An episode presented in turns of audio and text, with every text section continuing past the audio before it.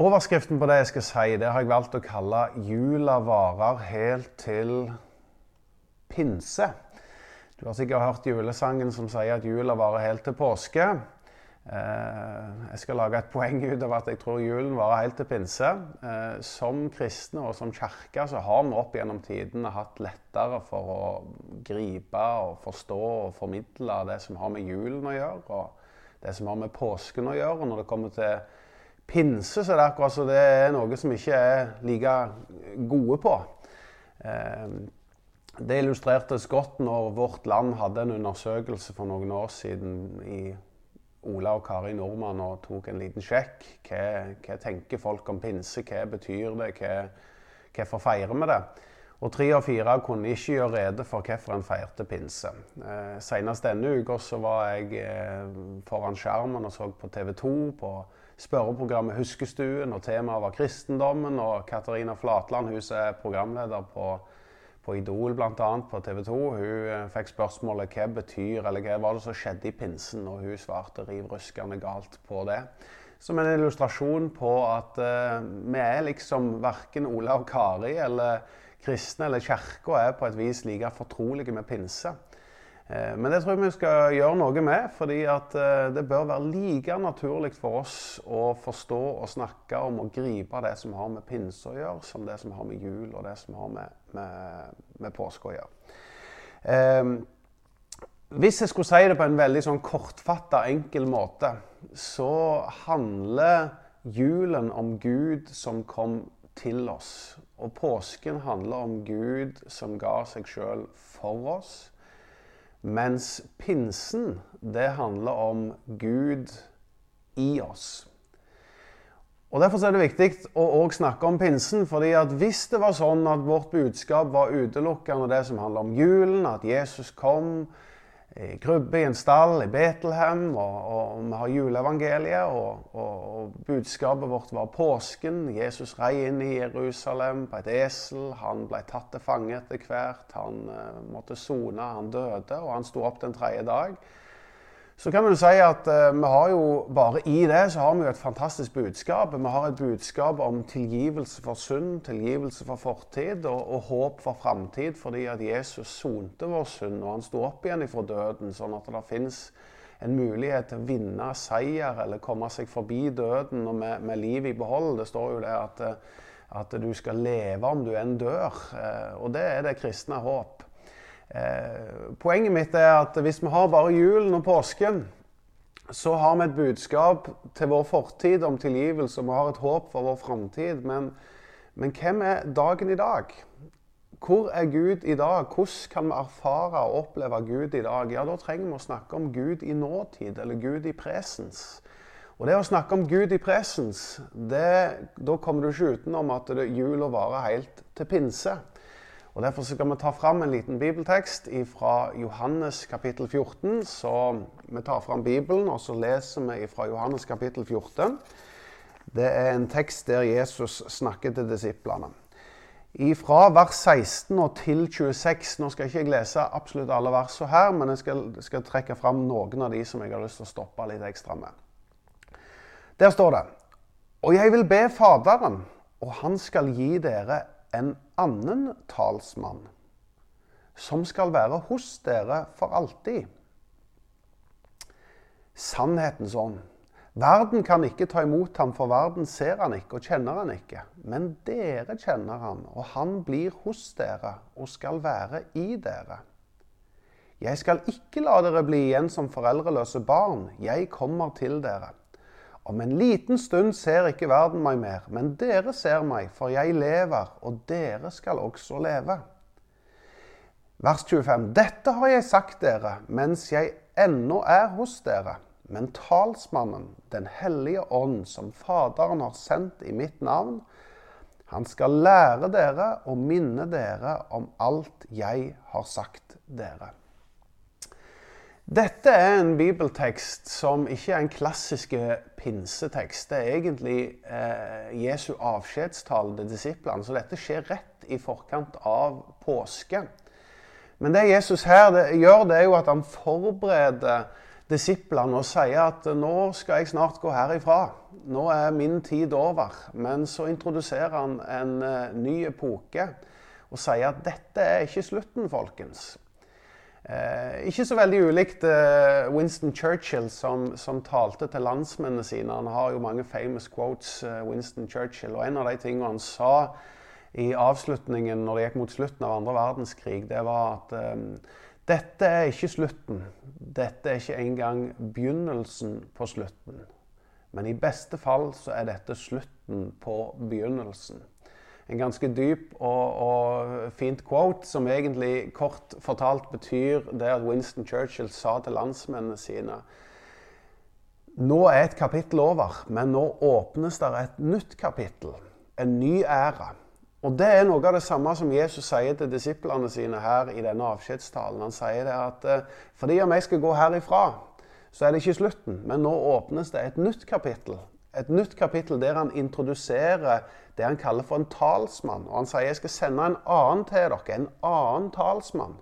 Det betyr at det må jo ha vært en første talsmann. Og, og, og Jesus eh, presenterer seg sjøl som den første talsmann. En talsmann Eh, står det i Bibelen, det er en som er en trøster, en hjelper, en veileder, en, en, eh, en advokat, om du vil.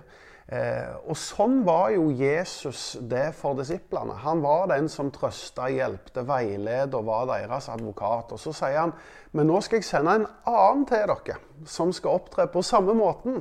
Som skal være deres trøster, deres veileder og deres advokat. Verden skal ikke se han, men dere skal se han. Dere skal kjenne han. Og Det er jo et budskap til oss i kristne at Den hellige ånd er en høyst virkelig dimensjon. og Derfor så uttaler jeg i dag at jula varer helt til pinse. Det betyr at vi kan få lov å leve ut kristentroen den dag i dag. Eh, Jesus' sitt budskap til disiplene var jo at jeg skal jo ikke etterlate dere foreldreløse. Jeg vil ikke at dere skal være alene her i denne verden.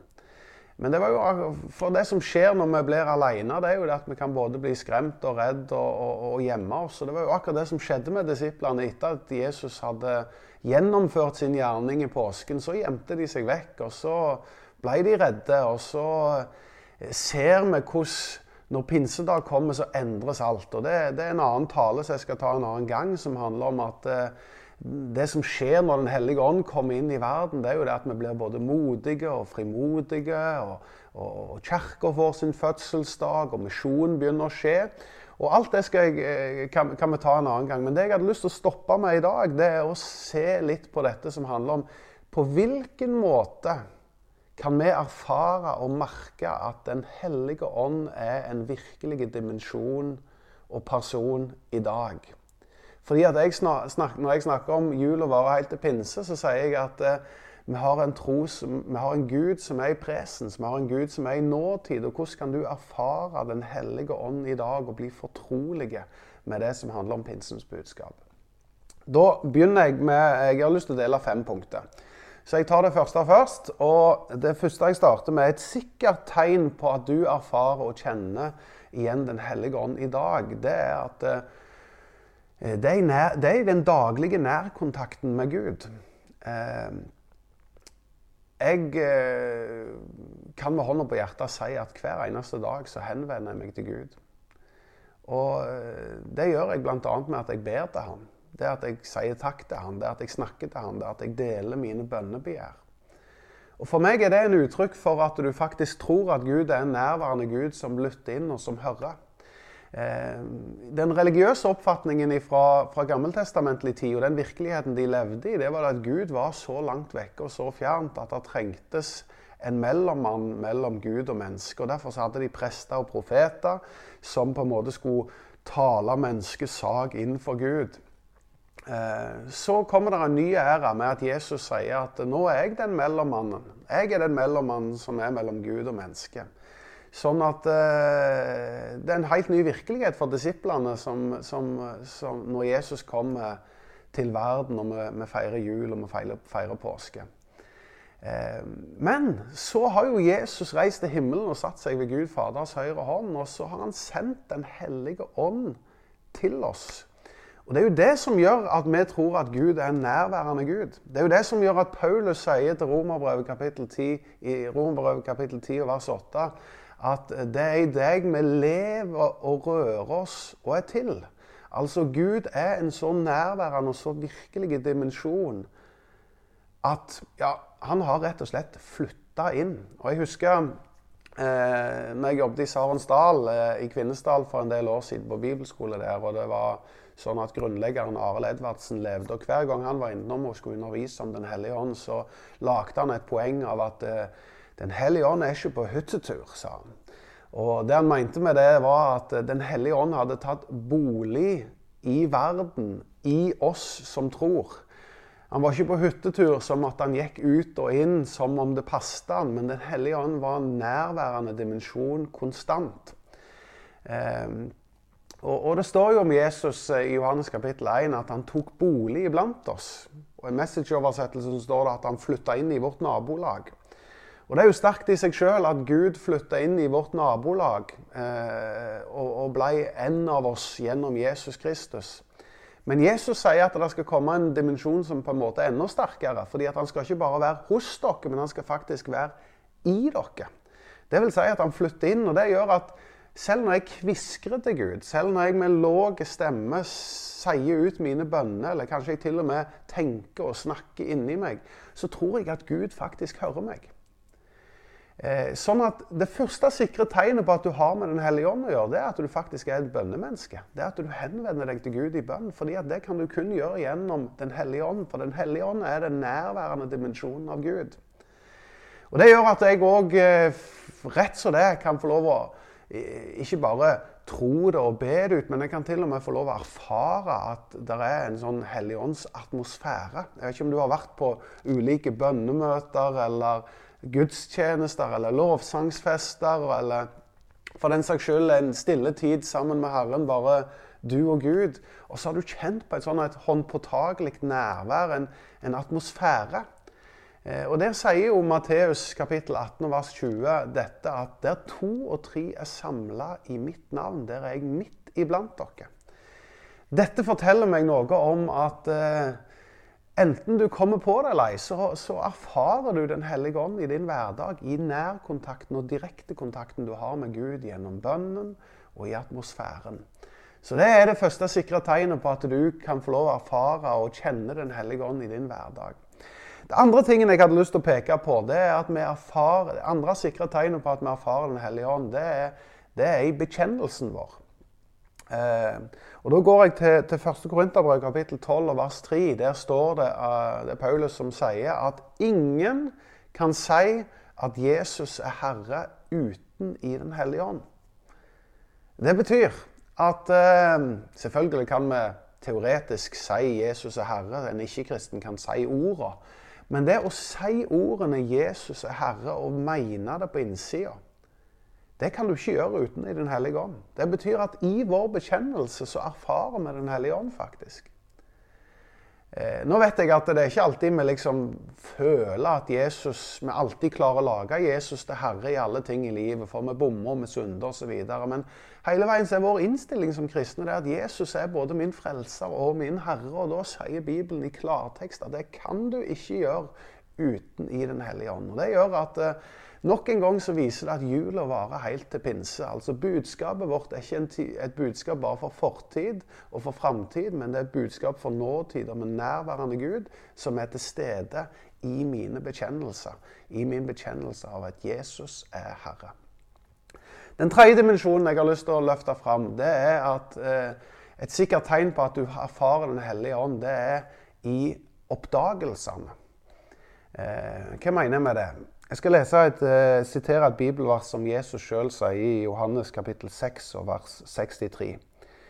De ord jeg taler til dere, er ånd, og de er liv. For det er ånden som gjør levende. Litt senere i Det nye testamentet så tar Paulus tak i noe av det samme utsagnet. Han sier i 2. Korinterbrev kapittel 3 og vers 6 Han sier bokstaven slår i hjel, men ånden gjør levende. Og Her står det om at Den hellige ånd er noe som er en dimensjon som er og gir liv til Guds ord. Og i det så mener jeg at det fins en del oppdagelser som du og meg gjør. Det kan være alt ifra at jeg sitter og taler nå, eller at du sitter og leser en bibel, eller at du, du, du hører på en podkast, eller at du har vært på en bibelskole. Så får du lagt ut Skriften, Guds ord, og så er det akkurat som det skjer noe på innsida av aha-opplevelser. Jeg ser noe nytt. Jeg oppdager noe nytt som kanskje gjør at jeg gjør en kursendring i livet mitt. Som kanskje gjør at jeg eh, jeg vender meg om ifra noe, eller at jeg får lyst til å leve ut noen, en tro og noen verdier som jeg finner i Guds ord. Og Det er fordi at de ordene har blitt til liv. Det var ikke bare bokstaver, fordi at bokstaver kan slå i hjel, og det blir til ingenting. Men det begynner å påvirke og endre og forme min livsstil. Da har ordene blitt til liv. Og Dette sier jo Guds ord, at det er Ånden som gjør levende. Så et sikkert tegn på at du har med Den hellige ånd å gjøre, det er at du har noen aha-oppdagelser fra Guds ord. Så jeg har snakket både om opplevelser, for det er Gud i atmosfæren og i, i, i det at vi er samla som fellesskap. Men òg Gud i oppdagelsene. At du ser noe nytt, så erfarer du Den hellige ånd. Den fjerde tingen som er et sikkert tegn på at du har med Den hellige ånd å gjøre, det er at du erfarer Den hellige ånd i veiledningen. Eh, I Isaiah kapittel 30 vers 21 så står det med dine egne ører skal du høre et ord som lyder bak deg, når du vil vike av ifra høyre til venstre. Og ordene sier 'Dette er veien, gå på den'. Jeg er sikker på at mange med meg har stått foran veivalg og utfordringer der du har lurt på hva er veivalget nå, hva er rett å gjøre nå. Av og til har du kanskje stått overfor ting som du innerst inne i deg sjøl, kanskje i samvittigheten, vet at gjør jeg dette, så er det feil. Så er det som om en indre stemme taler til deg og sier at nei, dette er veien, gå på den. Det kan være en jobbtilbud, det kan være en, en, dør som er i ferd med å åpne seg, og en annen dør som stenger seg. Gjennom det så opplever vi at Den hellige ånd kviskrer til oss. Dette er veien, gå på den. Og Gjennom livet så er jeg sikker på at du som meg har erfart og kommer til å erfare mange en gang en slags indre stemme som sier 'dette er veien, gå på den'. Og Da sier Bibelen at det er sånn Den hellige ånd jobber. Et uh, helt konkret eksempel er jo fra apostelgjerningene 13, kapittel 2. Der står det at uh, kirken hadde holdt gudstjeneste og fasta, og Den hellige ånd sa Ta ut for meg Paulus og Barnabas til den tjeneste jeg har kalt de til. Um, og det, det, er jo en del av oss som sier det at eh, jeg, jeg har til og med opp, opplevd at Gud kaller meg. For min del, det å være en pastor, det er som et, er som et kall. Det kan være det å være en lovsangsleder, en omsorgsleder, en samtalepartner, en barneleder, en ungdomsleder. Det oppleves som om Gud kaller meg til dette. Han utruster meg til det, han gir meg lysten til det, han åpner veier og dører for dette. Eller det kan være inn i arbeidslivet at eh, Gud kaller meg til å være en journalist eller til å være en sykepleier eller til å være en lærer. Jeg fikk en slags ledelse fra Gud når jeg skulle ta utdanningen osv. Dette er noe av måtene Gud virker på gjennom sin ånd, gjennom veiledningen. Det siste punktet, som kanskje burde vært det første punktet, og som er et sikkert tegn på at du erfarer Den hellige ånd, det er at det det er at Den hellige ånd leder deg til Jesus. Hver gang du ledes i nærkontakt og tettere på Jesus Kristus, så er det Den hellige ånd som jobber.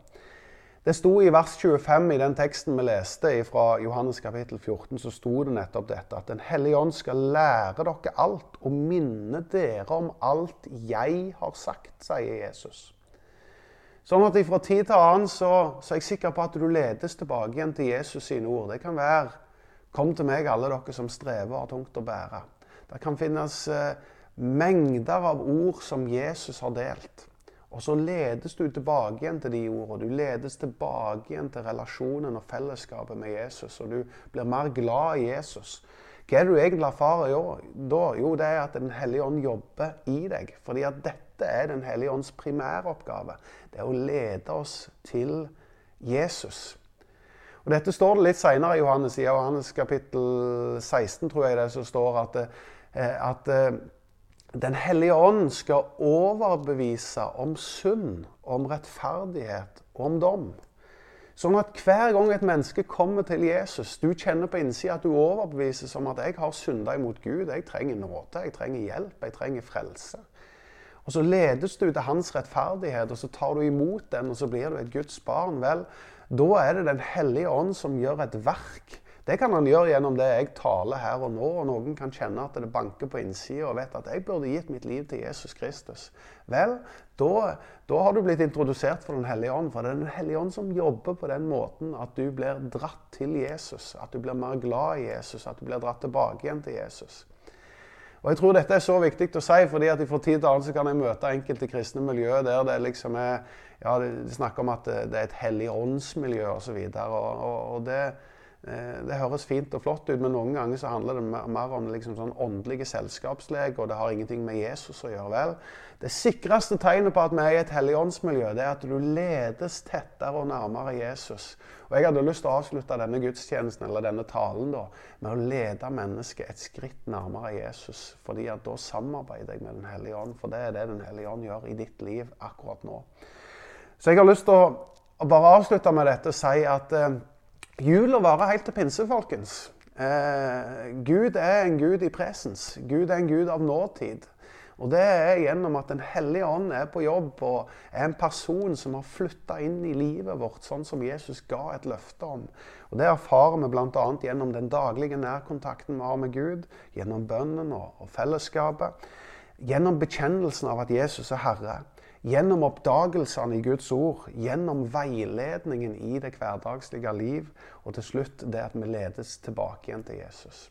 Hvis du har lyst til å ta et skritt i dag og si at du henvender deg til Jesus, så jobber Den hellige ånd i og rundt deg og er med å hjelpe deg til å ta et skritt nærmere Jesus. Vi ber. Herre Jesus Kristus, takk for at vi kan få lov å henvende oss til deg. Det betyr jo at Den hellige ånd er en virkelighet. Jeg tror du hører meg. Og så står det at du er overbevist om sunn rettferdighet og dom.